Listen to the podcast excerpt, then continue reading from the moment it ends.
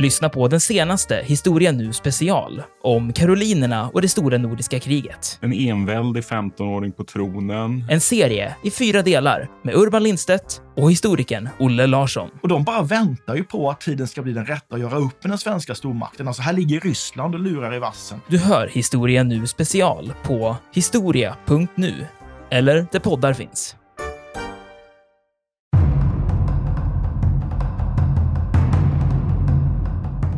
Fredrik den store är ju, är ju både framgångsrik, men han lider också nederlag under sjuårskriget. Och mot slutet så blir han allt mer defensiv. Och ska man, ska man sammanfatta egentligen så kan man ganska bryskt säga så här. Han räddas av gånggången egentligen, nämligen att, att eh, tsarinnan eller kejsarinnan Elisabeth dör i Ryssland och Ryssland byter sida. Och sen eh, faktiskt så, så, drar sig så småningom också eh, både britterna och fransmännen ur kriget på kontinenten. Och då så småningom blir det en fred.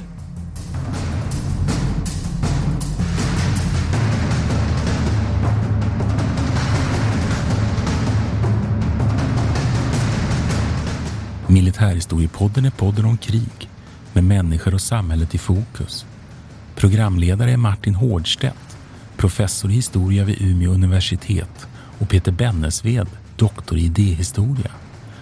Podden ges ut av förlaget Historiska Media. Stöd gärna MH-podden via vårt swishnummer 123 610 76 68. Märk betalningen med MH-podden.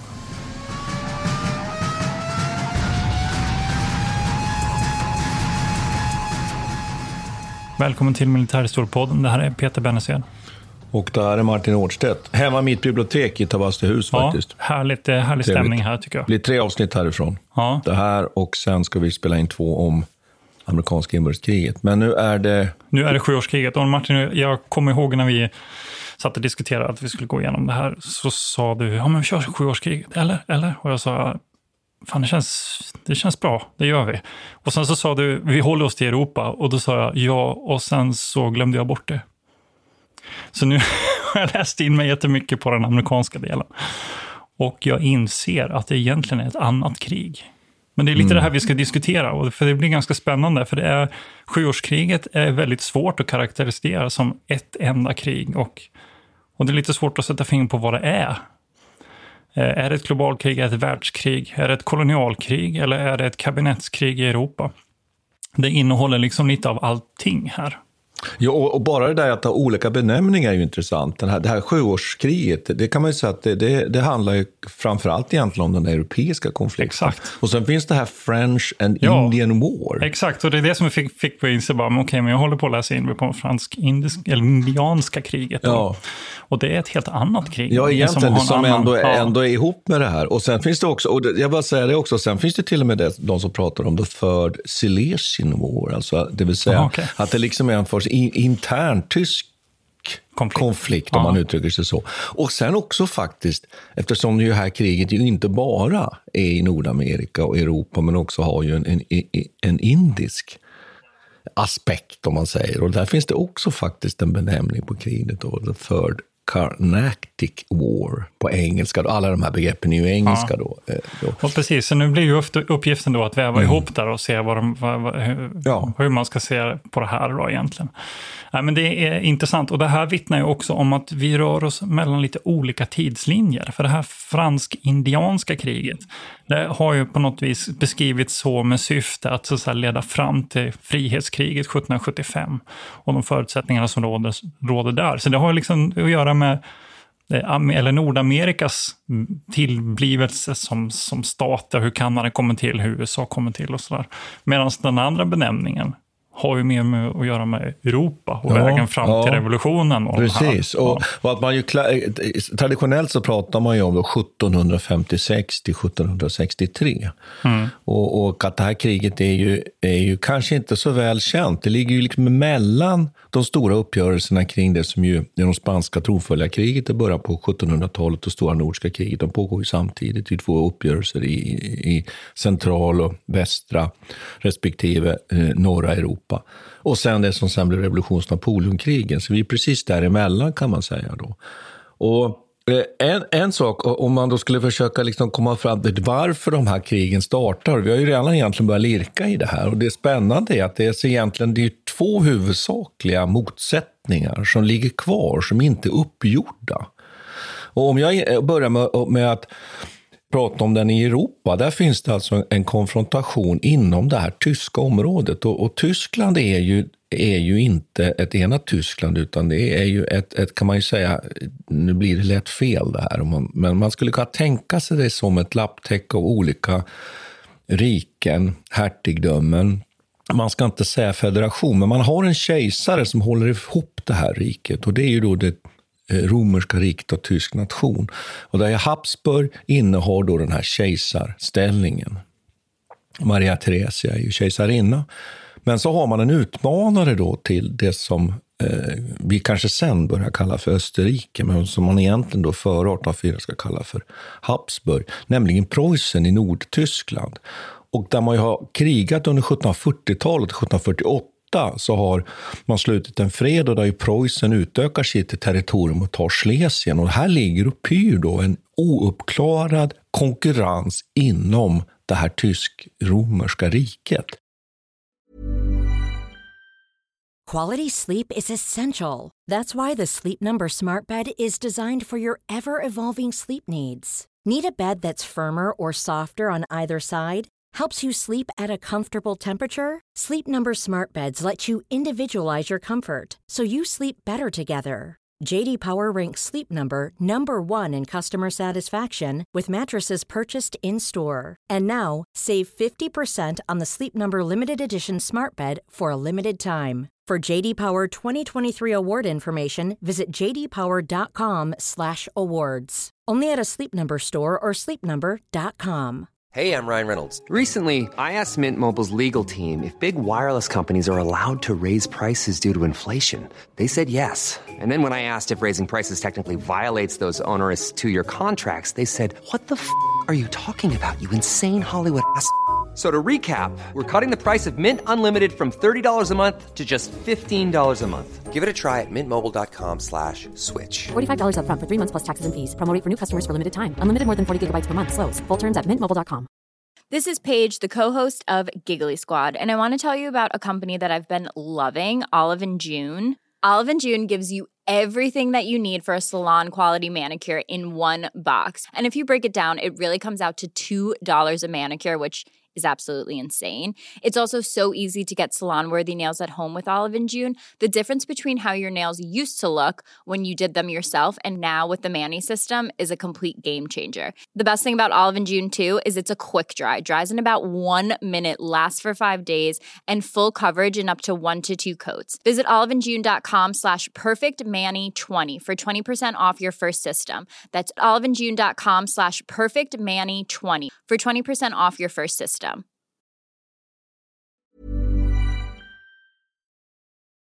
Så det är den ena konflikten. Men mm. sen har vi ju den andra konflikten. Den nordamerikanska, ja, som, där, där vi har eh, Frankrike å ena sidan och Storbritannien å andra sidan. Och det här handlar ju egentligen om kolonierna och dess ställning. Mm. Och det är liksom en helt annan typ av karaktär på det. Och britternas uppgång ju som, som, ja. som en, den främsta kolonialmakten Exakt, här så småningom. Ja. Och, då, och det är det man slåss om här då. Det handlar ju om att britterna har etablerat sig på det som idag är USAs östkust egentligen. På, på den västra sidan av Appalacherna, eh, hela vägen upp till, till eh, Maine, eller det som ligger norr om New York-området. Medan fransmännen har etablerat sig i Eh, Eh, det som idag är Kanada och de här eh, runt the Great Lakes och, och St. Lawrence-gulfen här. De har samtidigt intresserat sig för att ta sig ner lite mer i, i det som är Midwest eller mitt i USA idag, alltså öster om Appalacherna och det som är, kallas för Ohio-området. Där det finns ett antal floder här. Har franska kolonisatörer tagit sig ner och man önskar sig att etablera en kontakt via Mississippi-floden egentligen från då, eh, de nordliga delarna eh, hela vägen ner till det som då är New Orleans som har då etablerats. Och där har man också nya kolonier, Louisiana, New Orleans. Man vill binda ihop den här länken och bilda som en båge egentligen från the Great Lakes hela vägen ner till Mississippis delta. Och detta håller fransmännen på att etablera sig i det området och detta stör britterna väldigt mycket förstås. För det betyder att de blir utelåsta från the Midwest och de ekonomiska intressen som finns där. Så där är egentligen huvudkonflikten då mellan, mellan Storbritannien och, och, och Frankrike. Ja, och kopplar man då på det europeiska här då, så, så är det intressanta då att traditionellt har britterna varit i allians med Habsburg mot Frankrike. Men här sker nu en omkastning och då finns det några aspekter till här som är spännande. Det är också så att britterna är kopplade till Hannover genom personalunion. Och det är alltså en del som ligger i västra tyska området. Och egentligen är ju britterna också lite oroliga för Preussens expansion. För Hannover ligger ju som en liten smaskig godbit för Preussen egentligen att ta. Men det slutar med att man hittar gemensamma intressen där Preussen och Storbritannien finner varandra i en allians. Där Frankrike, oheligt nog då, mm. tar sida med Habsburg. Och sen kopplar man Ryssland till den alliansen. Och sen faktiskt märkligt nog så är Sverige uppkopplat mot den franska politiken vid den här tiden. Så Sverige går in. Så det skapas en koalition i Europa då som är ganska stor med alltså Ryssland, Habsburg, Sverige och Frankrike mot Storbritannien och Preussen. Och sen förs nu då kriget som, som ju uppenbart här nu egentligen globalt. Så här, är, här är, kan man ju ta en diskussion sen så Exakt. småningom. Ja. Och, och så önskar man på den franska mm. sidan att låsa upp brittiska resurser Ja. på den nordamerikanska sidan här då. Genom att skapa den här inringningen så blir det den här bågen som jag tidigare pratade om. Så tänker man så att då måste britterna lägga militära resurser för att behålla det här området och då kan vi dra dem från Europa och Just skapa det. möjligheter i Ja, Europa. att, och då är frågan här, som, en fråga som jag ska ställa då, den är, är ju att är det ett världskrig då, som vi ser här? Är det här det första världskriget? Ja, men vet du, det är så uttjatat det där tycker jag. Första, vilket som är det första världskriget hit och dit. Ja, men just att det, är, det, alltså det, att det förs på he, i hela Ja. jordklotet på ett annat sätt. Och det skulle Ja, jag men- vilja men säga att det gör inte Napoleonkrigen egentligen ens. Ja, fast man kan väl... Ja, det, men det kan man nog... Det beror på vad man, eh, hur man definierar världskrig. Men då skulle jag säga så här, okej, jag accepterar att det skulle kunna kallas ett världskrig i den meningen att det har en... eh, Det finns globala liksom, intressen eh, involverade. Det finns land och ko- koloniintressen Mm. runt om på Mm. hela jorden som är indragna i den här konflikten. Men sen har de ju karaktären av att vara väldigt isolerade från varandra. Och det tar månader för dem att kommunicera. När det går bra för britterna i Indien så har de, det tar ju sex månader innan de ens vet om det. Så det, så det gör ju att det, det är ju svårt att eh, de kan inte, liksom, inte i realtid agera på vad som händer. Och, det, är ju, ja, det där tycker jag sätter en speciell prägel på det här kriget också. Men, men om vi låter den frågan liksom ändå då vara Ja, oavgjord, så kan vi väl, klara, kan vi väl en sak vara klara på, på det klara med, Mm. att det här är i alla fall ett, ett typexempel på det som man ju brukar i historiskt, militärhistoriska sammanhang kalla för kabinettskrigföring. Mm. Nämligen att det är ju en liten, vad ska vi säga, bestämmande grupp i de här olika staterna, länderna, som ju fattar beslut. Och där man ju också är beredd, vilket ju karaktäriserar då kabinettskrigen, att hoppa nu till olika nya allianser, vilket vi precis alldeles nyss beskrev. Då. Och att det också kabinettskriget ju ofta har ganska begränsade mål, ärligt talat. Eh, vi snuddar ju vid det här lite. Det handlar om framförallt till exempel om den här provinsen då, Schlesien, som är rik. Du, du beskriver ju här till vissa landområden borta i, i Nordamerika man är intresserad av. Det handlar ju inte om att krossa motståndaren. Det, det finns inte några, några starka ideologiska inslag eller någonting sånt, utan här handlar det om att egentligen uppnå ganska begränsade mål. Antingen dynastiska dispyter, inte så mycket i det, i det här kriget, men framför allt då eh, handlar det om att lägga under sig olika landområden, att, att flytta fram gränsen, men också att liksom hålla på en maktbalans Nej, det handlar inte, och det är inte alls den positionera här, om man tittar hundra år senare när man mer eh, angriper storstäderna, ska fullkomligt förgöra fienden, Nej.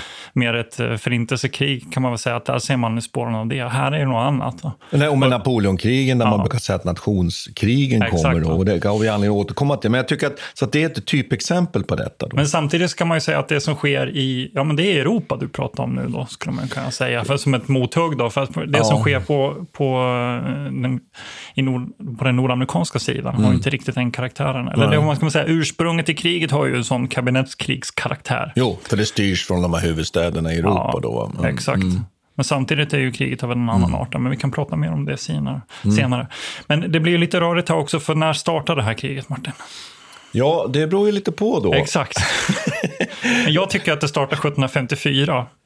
Ja, och det gör det ju i Nordamerika. Men jag skulle säga att i Europa startade det 1756. Och på, egentligen på riktigt allvar egentligen 1757. Där har vi ju de riktigt stora operationerna. Men 1756. Ja, men är det, då tänker du med själva krigsförklaringen, den brittiska och engelska krigsförklaringen? Ja, och att man, och att man också går till handling. Så kan man ju säga då. Mm. Men det har Sen- man ju gjort tidigare också. Ja, men man på, ja, du menar att man, börjar, att man skulle ha gått till militär handling innan? Ja, men det har man ju gjort i kolonier. Ja, i har man ju så- kolonierna har man det, men inte i Europa. Så Nej. det har du ju rätt i, och det är det som är din poäng. Det håller jag ju med om det. Men, men man kan väl säga att eh, det så att det här första skedet, sker- så att medans egentligen konflikten ju igång redan i Nordamerika, i någon mening. Det är Ja. den ju, eller i någon mening, den Ja, är ju det. ja, är. Då pågår ju det här diplomatiska spelet och sen sätter kriget ordentligt igång på europeiska kontinenten 1756. Då. Och jag tycker att eh, man kan väl ta, jag håller med dig Mats, man kan nog säga att kriget på ett sätt startar på riktigt 1756. Även om själva de första krigshandlingarna är ju 1754, men de har ju också föregåtts av andra dispyter och konflikter. Ja. Som handlar om hur de här ursprungsbefolkningen i Nordamerika har försökt organisera sig för att motstå både Frankrike och Storbritanniens olika intressen. va. Så där har man haft en del, del bråk och konflikter. Så. Men det är klart att 1756, eh, vad jag kan läsa mig till, så är den här in, den franska invasionen av eh, det som idag är Mallorca. Eh, och det är den som egentligen föranleder den riktiga eh, brittiska krigsförklaringen. Men Frankrike å sin sida har haft Cosbelly redan 1754 när George Washington, samma George Washington som sen får landsfadern i USA. Men han har skickats iväg på en expedition mot ett fort här i, i Nordamerika. Så därifrån har fransmännen då Belli egentligen. Men jag vet inte riktigt varför man inte utropar liksom krig på en gång. Vad det finns för intressen av att hålla det här På någon sorts... eh, Ja, någon slags, eh, vad kan man kalla det, Grå, gråzonskrig? Ja. Grå, ja, hybridkrigföring. Är det att man kanske. vill smygerövra kanske? Ja, Kan det vara ett begrepp att använda här? Jag vet inte. Men i alla fall 1756 så, så kan man väl säga att det kickar igång ordentligt-. Och detta har ju då med Nordamerika att göra från vad det gäller på den franska sidan. För man vill hindra den brittiska flottan att störa logistiklinjerna mellan Europa och Nordamerika. Eh, Och det här kriget karaktäriseras på havet väldigt mycket av det. Att man försöker stoppa upp varandra och olika möjligheter att understödja kolonierna där. Men vad är det som händer i, i, i Nordamerika? Ja, man kan väl säga så här att det, det inleds ju med då det här George Washingtons försök att eh, stävja olika typer av fortbyggnationer i Nordamerika. Och jag tyckte det var intressant det du sa innan, att det var som karaktäriserar kriget i den här framflyttningen av alltså positioner lite fram och tillbaka. Och det som provocerar britterna väldigt mycket då, det är ju att man på den franska sidan bygger små fort här som ett litet pärlband för att låsa då den brittiska framfarten eller deras intressen in i Ohio. George Washington skickas iväg för att stoppa ett sånt här bygge och eh, misslyckas med den uppgiften. Han är väl färsk, han är bara runt 20 år och har inte tillräckligt med resurser med sig.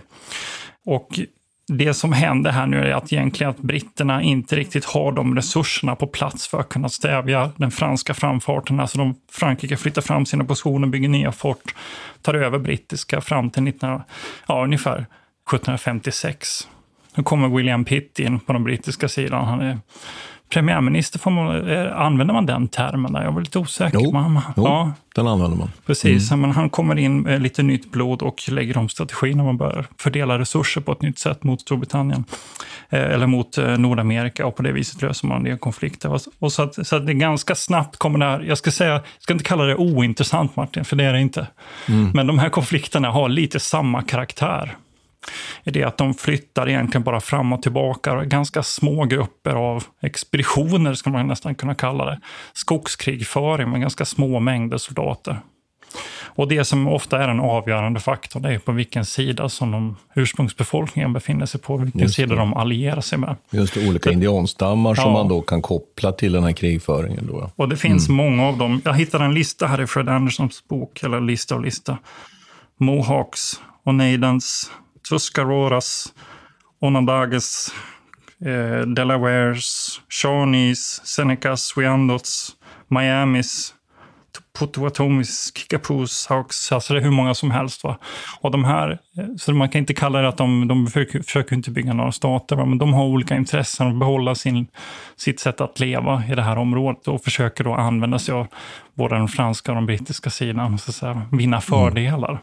Och så insatser av små styrkor, ja. svåra logistiska förhållanden. Precis, vad de försöker störa. Va? Och, och de här forten har ju den funktionen att de egentligen blir som resurs hubbar eller som, depåer. Ja, depåer ja, stödjepunkter. Ja. Stödjepunkter där man kan stoppa in resurser för att sedan bygga vidare. Sen är ju det här området då, eh, det är ett skogslandskap. Eh, väldigt mycket floder, bifloder och så som, som gör att det blir väldigt svårt att ta sig fram. Så här. Men i alla fall, eh, man kan väl säga att som sagt, jag ska inte säga att det är helt ointressant, men det är ju ganska, det böljar fram och tillbaka och det kommer sluta med att egentligen att britterna, genom att dominera havet, mm. Med sin flotta. Med sin mm. flotta. Lyckas låsa ut eh, Frankrike från det här kriget. Och på det viset så kan man så småningom ta Louisburg, som ligger på St. Lawrence-gulfen här. Och genom att ta detta Gibraltar of the North, som det kallas, eh, så kan man sen då egentligen dominera hela det som kommer att bli Kanada, eller kallas New France, man får Quebec, Montreal. Och därefter är egentligen konflikten över, så att mm. säga. Men, men, men, om man håller kvar den där äh, slutsatsen där, att det här är någon form av, av lågintensiv krigföring med små militära styrkor, stort inslag av icke-reguljär trupp, det vill säga olika indianstammar och svåra logistiska förhållanden. Och nyckeln är, som du säger, den här tillförseln av resurser utifrån. Då. Om man då går till kontinenten så är det ett mm. helt annat typ av krig. Ja. Jag ska säga att under sjuårskriget, där, där pikar ju på något sätt den här klassiska linjeformationsslagen. Det här att man ställer upp på den klassiska linjära slagformationen i klassiska slag, skulle man kunna säga. Det är det ena, skulle jag säga. Som, och det andra är ju den här manöverkrigföringen som vi till exempel då känner från, från eh, eh 30-åriga kriget. Nu ska, vi inte för, nu ska vi inte förväxla det begreppet nu med det som vi kallar för manöverkrigföring idag det modernt. Men, men med det menar jag egentligen att man manövrerar mot motståndaren och försöker få motstånd till slut att, att leverera batalj eller acceptera ett slag i, i en position som är, of, som är ofördelaktig för, för motståndaren. Och Sen finns det en sak till som karaktäriserar det här kriget. Det är ju så här, Preussen med Fredrik den store, det kan vi också nämna här, att Fredrik den store är egentligen där han har vunnit hela sitt, får man väl säga, stora rykte som en väldigt skicklig Eh, fältherre. Och det är under sjuårskriget. Han ställs ju inför uppgiften att försvara Preussen mot ett antal arméer. Det är så många som sex arméer vid vissa tillfällen som bryter in av olika storlekar. Och man kan säga att kriget då framförallt håller sig då i den östra delen, det som är kärnlanden i Preussen, i Sachsen, i Schlesien. Det finns också en front borta i Ostpreussen. Det är också så att man faktiskt slåss mot svenskarna uppe i det som är svenska Pommern. Mm. Men sen också i väster, där ju britterna har trupper som han understöder. Brit britterna understöder Hannovers trupper. Så att det, det, är de här områdena. Men, men enkelt förklarat så handlar det liksom om att, att Fredrik den store på ett skickligt sätt lyckas genom att han opererar, som det heter, på de här inre linjerna. Det är ett sånt här begrepp som vi har haft med här i podden. Att han har en central position ifrån vilket han kan vända sig mot i olika riktningar mot en fiende som kommer utifrån. Och problemet för den här fienden nu, franska arméer, habsburgska eller, eller i, i, i kejserliga tyska trupper, ryska trupper, de ska samordna. Och det är ju deras problem. Preussen har lättare att samordna, men däremot är han ju underlägsen. Så det här är liksom hela, hela kan vi säga, då, grund, grund eh, eh, skeendet. Att det här pågår. Och så har de britterna på sin sida. Och så har de britterna på sin sida. Då. och det vet vi ju att alla krig där britterna är med, det är alltid de som vinner. Ja, det är ju det. Och det beror ju på att britterna har ju, en, har ju inte minst då ekonomiska resurser. Problemet för Fredrik den store i längden här är ju att de trupper som han inledningsvis har, som är ju, är ju överlägsna på slagfältet taktiskt kan man säga. Då i krigföringen, i den här linjekrigföringen på slagfältet. Och också i att förflytta sig snabbt, den här operativa nivån, nämligen när vi pratar om inre linjekunna och så vidare, de kommer så småningom att försvinna. De nöts ut, de dör, de stupar, de såras, de, de försvinner, de tas till fånga. Och det gör att i slutet av kriget, när vi kommer fram till 61-62, då har han inte längre den här slagfärdiga armén med vilket han kan leverera batalj och vara ganska säker på att han kan besegra sin motståndare. Och det blir att han mot slutet av kriget så blir Preussen allt mera defensivt. Men Fanns det en Schlieffenplan? Eh, nej, du tänker att det fanns en sån ja, där... Men är det inte den här en, idén sån... han hade, att han ska liksom först slå ryssarna och sen ska han vända Aha. sig mot Centraleuropa? Ja, nej, nej, men jo, men, och det, om du med det menar Schlieffenplan, och ja. då, då, vet ju lyssnarna att Schlieffenplanen är ju den från 1905, ja, det är Tysklands ja. anfall mot mot Frankrike under första världskriget, det här att man slår den ena sedan den andra. Och på så sätt kan man väl säga att det fanns en Schlieffenplan.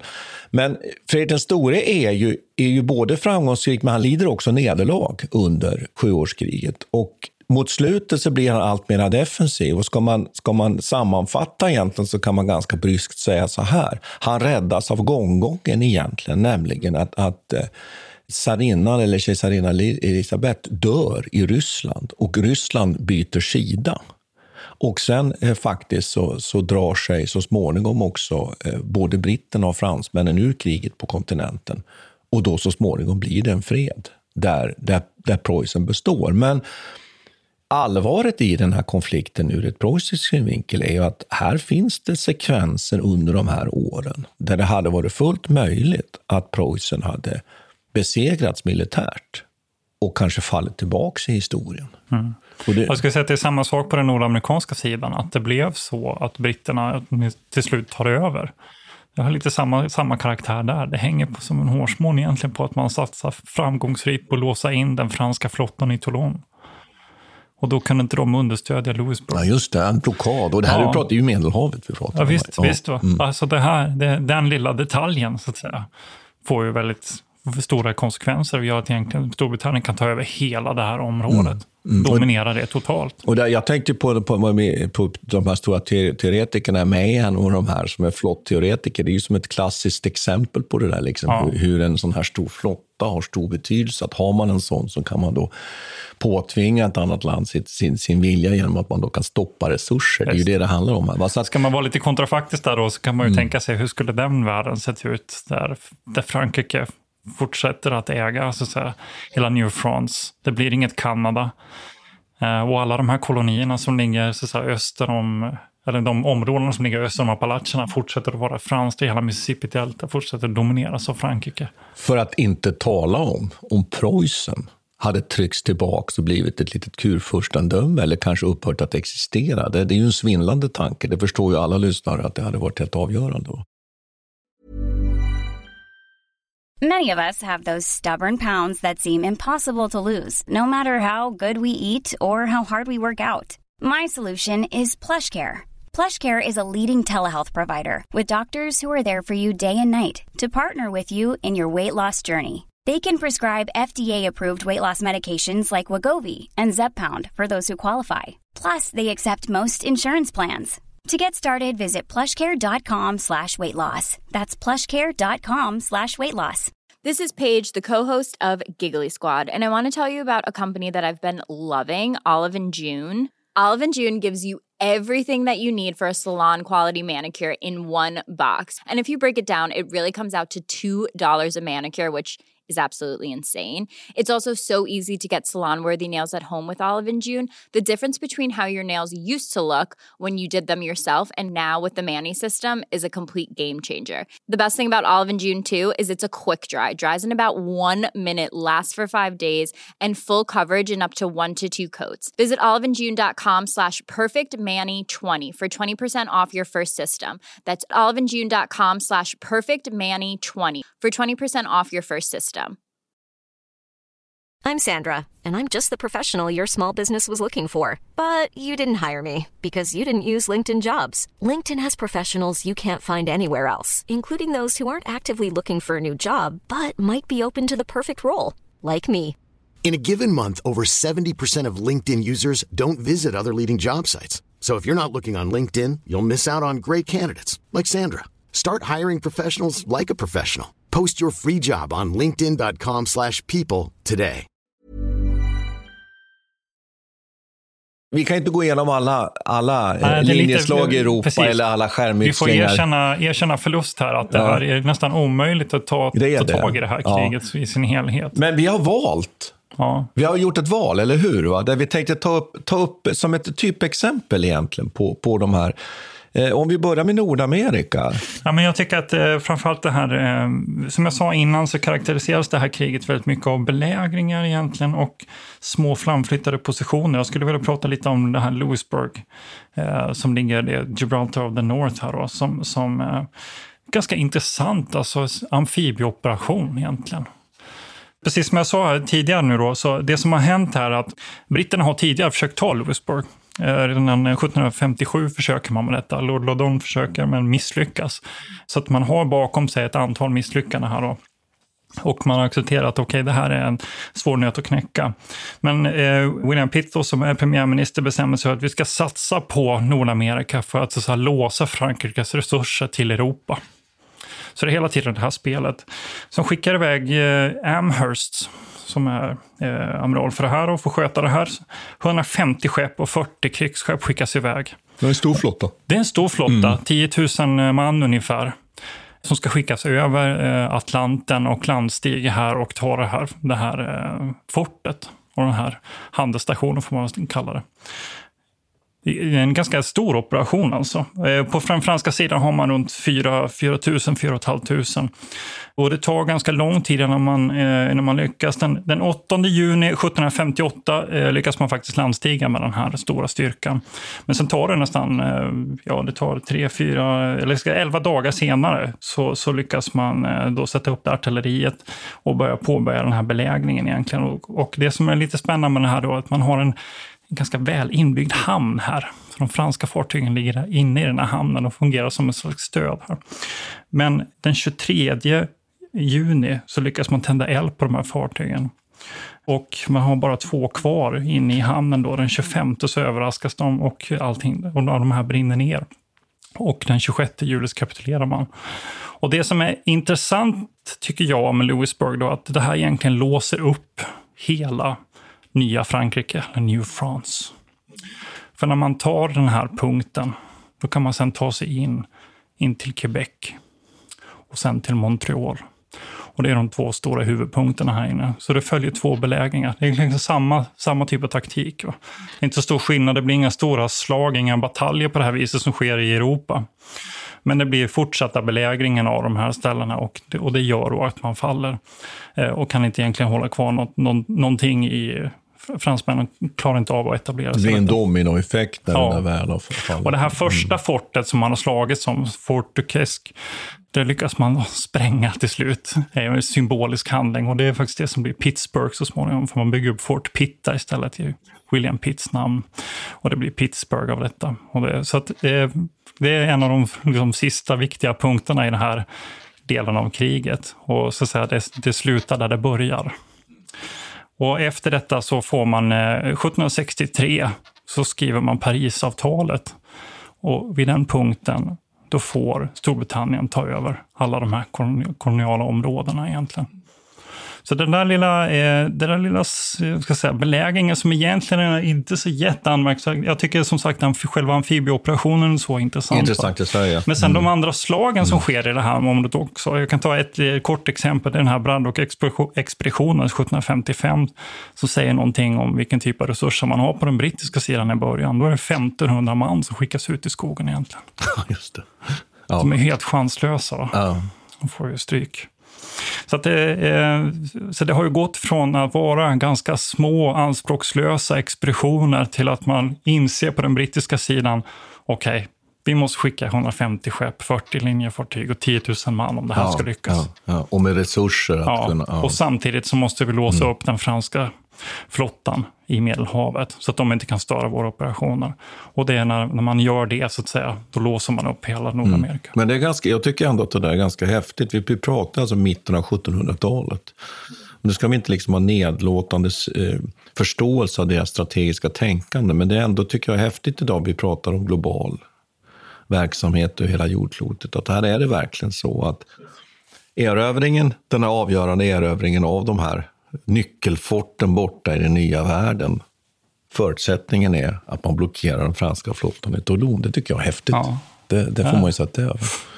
Men samtidigt så är det som du sa innan, det att man vet ju inte heller. Liksom. Det är mycket chans. Nej, ta tid att få, få Nej. information och så vidare. Ja, Det, det, så att man får ju nästan beundra att de lyckas genomföra den här formen av, ska Ja, kalla det för liksom strate, strategi. Går vi till Europa så har jag valt det, här klassiska slag, slaget vid Leuten. faktiskt. Eh, Leuten ligger strax väster om Breslau. Och det brukar man ju säga är Fredrik den stores liksom stora höjdpunkt. Det är ju så att han lider ju nederlag under det här kriget. Egentligen. Man, kan också, man kan ju säga så att de här första krigsåren mellan 1756 och 1758 som jag pratade om, då, då går det förhållandevis väl ändå för Preussen. Man lider eh, eh, nederlag, men man lyckas ändå hålla motståndarna stången. Sen under de kommande åren, som jag redan var inne på, då är det så att i väster lyckas de hannoverska arméerna, stödda av Preussen, faktiskt hålla emot fransmännen och blocka dem, tur nog. Men Fredrik den store, som, som jag redan var inne på, är, är tvungen nästan gå över till någon form av grillakrigföring faktiskt, eller väldigt defensivt uppträdande mot slutet av kriget.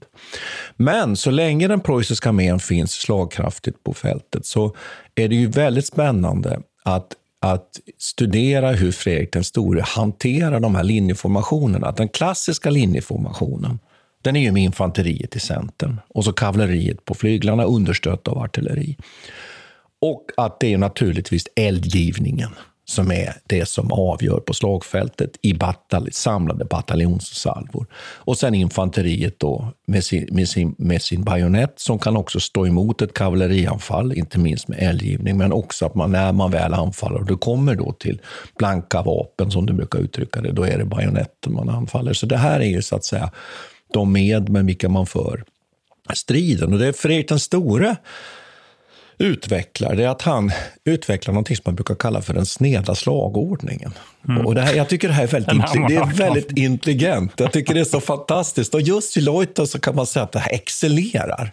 För där står då den här österrikiska armén då grupperad i slaglinjen.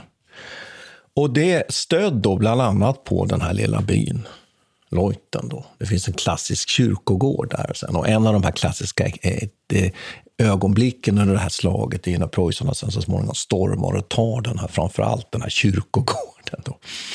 Men det som, är, eh, det som den här eh, sneda slagordningen går ut på, den är ju helt enkelt den att man binder motståndarens slaglinje med en liten del. Och sen gör man en, helt enkelt en flankmarsch. Så det Fredrik den store gör är att han flyttar helt enkelt sin armé så att den kommer då i, i position att kunna anfalla nästan, inte helt, men vinkelrätt och mot den österrikiska vänsterflygeln. Så det betyder att anfallet träffar ju alltså en, bara en tredjedel helt enkelt av den österrikiska eh, eh linjeformationen. Dessutom är det ju så att när preussarna anfaller så kan de ju omfatta österrikarna, faktiskt egentligen både bakom men även frontalt. Men framförallt träffar ju anfallet flanken men också rakt på den österrikiska linjen. Och just vid det här tillfället så blir det här så otroligt framgångsrikt. Att den österrikiska armén ju helt enkelt krossas och besegras. Sen kan man ju fundera lite på hur stora de här arméerna var då. Och, eh, och det är det som också är, är lite, om man uttrycker sig så, häftigt med, med, den här, med det här slaget i Leuten, nämligen att eh, preussarna är ju bara 36 000 och österrikarna är alltså ungefär 65 000. Så det betyder att han besegrar alltså en dubbelt så stor armé. Eh, och slaget utkämpas ju den 5 december, så det är ju då i, i en snöbetäckt då terräng. Och också att det har såna här klassiska, då, som jag redan var inne på, då, ögonblick med de här stormningarna av de här kyrkogårdarna. Men, men här kan ni väl, eh, lyssnare, ta med er just det här, Fredrik den stora och den sneda slagordningen. Det kan ni, kan ni ju själva läsa om och jag tycker det är så fascinerande. Sen, sen när det gäller det här med förlustsiffror, det är ju alltid sådär intressant. Då, att här har preussarna då trots allt inte så stora förluster. Man förlorar ungefär drygt tusen man. Och det måste ju bero på att man inte riktigt utsätts, det är min tolkning, för eh, de här eh, systematiska bataljonssalvorna från österrikarnas sida. Österrikarna förlorar ungefär tre gånger så många i döda. Och inte minst så är det ju så att, att eh, det är många som tar till fånga. Av den österrikiska armén så är en tredjedel räknar man i förluster. Och det måste ju ha med det att göra. Men här någonstans pikar ju egentligen några, tycker jag, viktiga ingredienser i den västerländska krigföringen. Dels är det ju linjeformationen, de samlade bataljonssalvorna med infanteriet med bajonett, där man kryper väldigt nära varandra för att skjuta de här samlade. Och sen gäller det att stå och upp. Och att preussarna dessutom är oerhört skickliga på att manövrera på slagfältet. Det är ju det här som inte går mot slutet av kriget. Sen. Det här är ju nu 57. Då går det fortfarande. Har han ju sina så att säga, väl drillade trupper kvar och kan använda dem då mot en motståndare som inte alls på något sätt är inkompetent, men som helt enkelt bara är lite mindre vass på, taktiskt på slagfältet. Och sen också en sak som jag inte egentligen har kommenterat här, ju att kavalleriet, ju också det tunga kavalleriet med bröstharnes, gräschärerna, finns ju här som en klubba kan man säga. Också egentligen på något sätt en höj, eh, i många sätt en höjdpunkt egentligen för den här klassiska linjetaktiken. Och sen vet vi ju då att under revolutionen och Napoleonkriget, då kom ju någonting annat sen. Så jag tycker att eh, sjuårskriget är spännande då, eh, just därför att här excellerar vi ju klassisk linjetaktik. Och det kan man väl nämna då, naturligtvis de meningsladdade flintlåsmusköter. Traffic jams tailgating, pileups. Ugh, the joys of driving. How could it get worse? The federal government wants to have a say in what you drive. That's right. The Biden administration's EPA is pushing mandates that would ban two out of every three vehicles on the road today. Don't let Washington become your backseat driver. Protect the freedom of driving your way. Visit EnergyCitizens.org. Paid for by the American Petroleum Institute. Jag vill haka vidare på det där du sa om Napoleonkrigen också, att ja. krigföringen får lite annan karaktär då. Eh, Eller jag tänker nu taktiskt på slagfältet, ja, tänker nej, jag. Precis. Men, och det är klart att den förändras ju i det stora hela på, i många avseenden. Ja, men mm. precis. Men jag funderar på vad fransmännen lär sig från, från kolonierna och den typen av alltså ursprungsbefolkningens medhjälp där. För att, deras sätt att störa linjerna, alltså mm. Napoleons sätt att störa mm. påminner mm. mycket om det sättet som man använder mm. indianerna till. Mm. Ja. Ja, det skulle vara intressant och det får ja, vi kolla vidare när vi, men, när vi kommer Man kan där. säga att det som ju kommer in sen och som vi har ju pratat om väldigt mycket när vi pratar om de här 1800-talslagen ju faktiskt. Vi har ju gått igenom solferin och fransyska kriget och så vidare. Eh, det är ju det att man börjar ju införa spridda, spridda formationer. Att man, att man Eh, förbekämpar, om jag uttrycker mig så, fiendens linje med, med, med soldater i. Och också sen ju naturligtvis med kolonnanfallen, som ju inte finns vid den här tiden nu alls. Nej. Eh, så det är ju någonting som kommer eh, allt mera. Men här excellerar de här väldrillade. Och egentligen någonstans, där låter det kanske lite märkligt, hade varit spännande att kunna få se det här från, liksom ur, ett, ur ett helikopterperspektiv. Den här, den här flankmarschen. Alltså, jag kan inte låta mig, vi satt och bläddrade i en bok här nu ja. en stund, för en stund sedan och jag såg den här, var en illustration på de här ja. linjerna. Liksom. Ja. Och den första, min första reaktion när jag ser det här det är ju att eh, vilken, eh, vilket idiotiskt sätt att dö på, tänker jag. Det verkar ju helt hopplöst att ställa upp sig. Vem, vem vågar ställa sig i första linjen? För ja, men det är ju hela kärnan i det här tycker jag. Att den insikten om att det är ju disciplinen och vi ska komma ihåg att den håller, och, och, att, och också att vapnen är ganska ineffektiva i någon mening. Sen är det så fascinerande då att när du levererar den här första salvan så är det nästan bättre att låta motståndaren först skjuta sin salva. Sen skjuter du din salva och sen anfaller du. För då vet du en sak, att har de skjutits ut, då kan de inte ladda om omedelbart. Då har du momentum. Så skjuter du din salva och sen anfaller och de har skjutit ut, då vet du att de kommer vara tvungna att backa. För de har inget motmedel. Så det är nästan bättre att låta motståndaren först skjuta sin salva. Sen skjuter du din och sen anfaller du. så det finns såna här, det finns såna här väldigt, eh, eh, ja. liksom nästan bisarr logik i de här. Ja, det, så ska vi komma ihåg också att man skjuter ju också eh, inte nödvändigtvis på, eh, på ett mål i den meningen att man fokuserar en individ, utan du skapar ju en, en, en, en vägg av bly. Och ändå, trots att man står så nära och skjuter, vi pratar ju om avstånden ner på 50 meter, så får man inte så stor effekt. Det är ganska fascinerande. Och det hela bygger på att man skjuter tillsammans. Så egentligen är svaret på det där att du tycker att det är bisarrt att stå där, den är ju det att för det första kanske man inte dör i så stor utsträckning som man tror. Jag menar, vi tänker oss ju på, på vapen som går, jag menar skjuter man med en modern automatkarbin 50 meter så är det nästan svårt att missa eh, om du står helt stilla så att säga. Det går ju inte att missa så att säga. Eh, även om du skjuter utan sikte utan att titta i redpointen så att säga, så är det lätt, väldigt lätt att träffa. Och så är det ju inte här. De här vapnen har väldigt stora brister. De går åt alla håll och kant och snett och det, de, till och med en del kulor går ju inte av. Det är ganska många blindavfyrningar. Va? Så att... Men alltså jag, jag fattar ju då också varför man har så svårt att hantera de här eh, ursprungsbefolkningen, de verkar ju ställa upp på den här typen av krig. Nej, de gör ju inte det. Ja, men det och jag sympatiserar med dem. Det, det Nej, gör jag också. Det är ju, egentligen är det väldigt klokt att inte ställa sig i den här jo, linjen. och det är också så att de, de, och det är intressant när man läser om det här kriget och den karaktären som du har där i Nordamerika, just att man inte vill, eh, man vill inte ställa upp på den här typen av västerländska krigföringen. Och det tänker vi direkt på eh, krig och kultur. Ja, John Keegans, ja, John Keegans krig, stora bok. bok alltså. Krig och kultur. Som, för det är ju mycket det det handlar om. Att från, från eh, ursprungsbefolkningens sida, de är ju mer intresserade av att ta fångar och sånt där. Och göra liksom rituella saker. Va?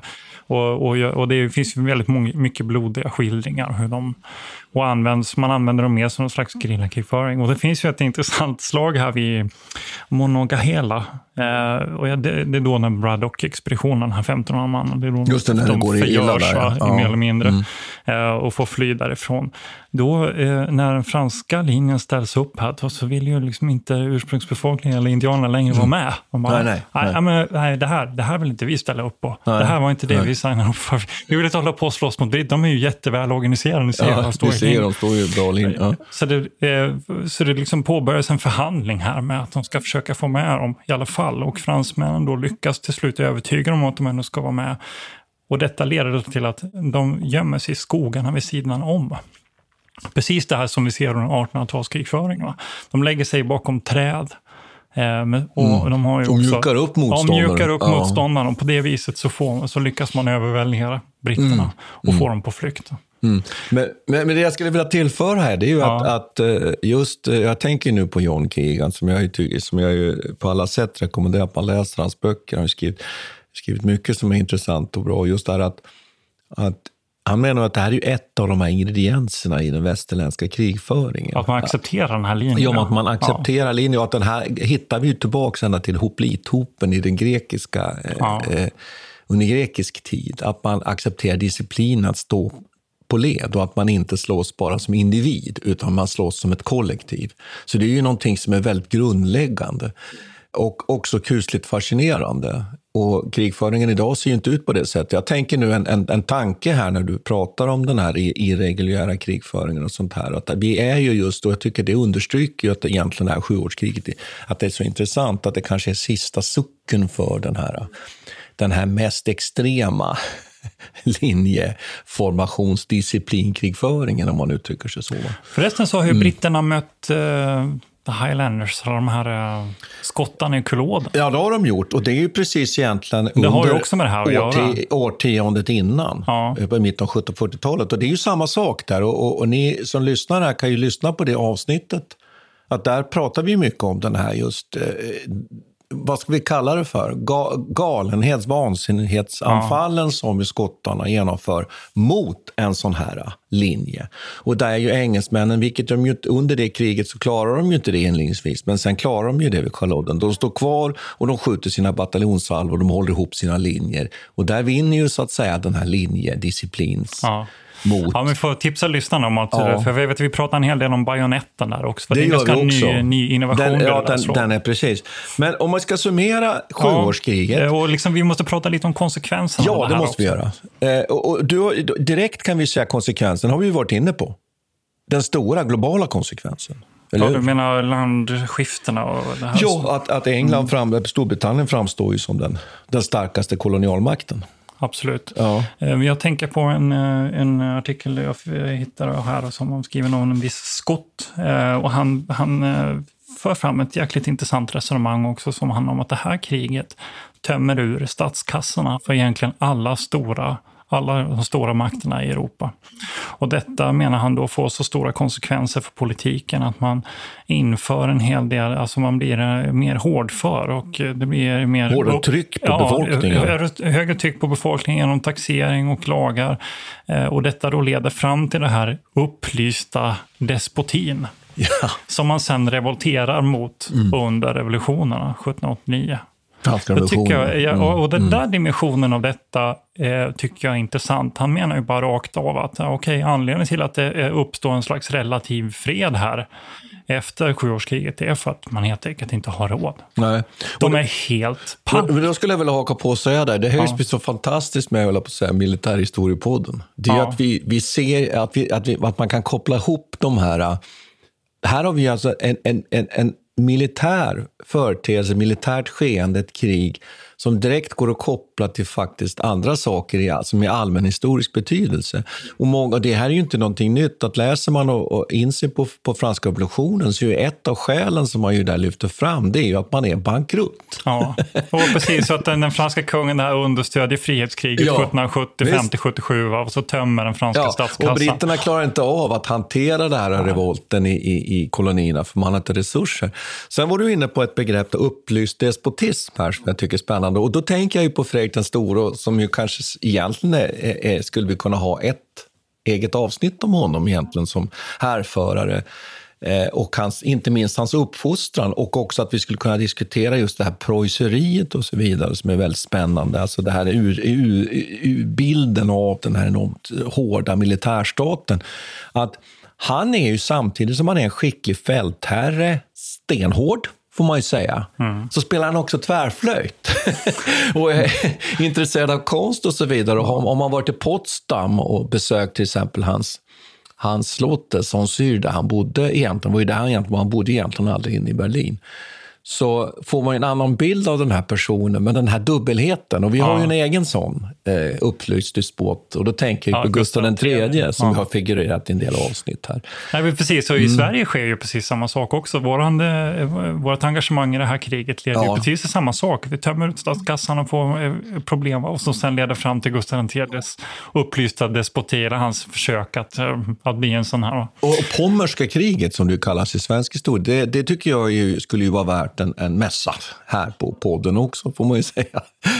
Vi kommer ju alltid med nya idéer här på nya avsnitt. Men jag är ganska nöjd, Peter. Hur Jag det känner mig också nöjd. Jag tycker att det finns mycket att säga och det här är ett Ja. krig som vi skulle kunna återkomma till. Vi har inte- ens, ja, vi har nämnt det, det som hände i Indien, men vi har Mm. inte nämnt det som hände i Spanien. Här finns det också ett intressant Ja. skifte där man växlar egentligen kolonier mellan de olika, mellan Spanien, Frankrike och, och eh, Storbritannien. Så får stora konsekvenser sen. Och sen är det också det här spåret med, med den eh, engelska dominan, eller den Stor, eh, Storbritanniens dominans över havet. Det är egentligen samma sak vi ser sen under revolutionskrigen. Och det som det. det, är det. liksom, det Mm. finns många intressanta kopplingar. Men vi kanske ska dra ett streck där. Vi drar ett streck. Tack ska vi ha. Tack På återseende. Vi tackar Peter Bennesved och Martin Hårdstedt. Kontakta gärna Militärhistoriepodden via mejl på militarhistoriepodden historia.nu. Peter och Martin vill gärna få in synpunkter och förslag till programidéer.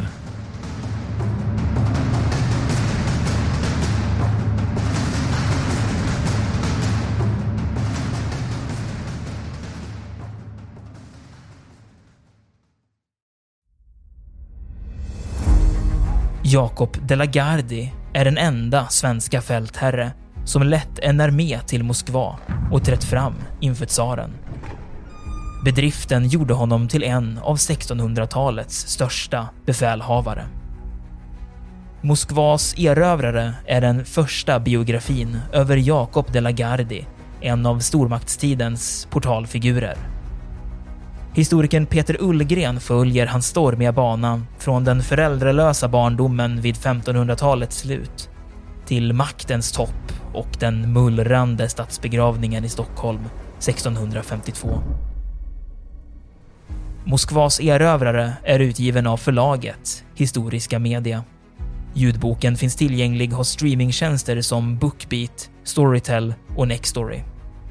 Beställ den fysiska boken på förlagets hemsida historiskamedia.se eller köp den i en bokhandel nära dig.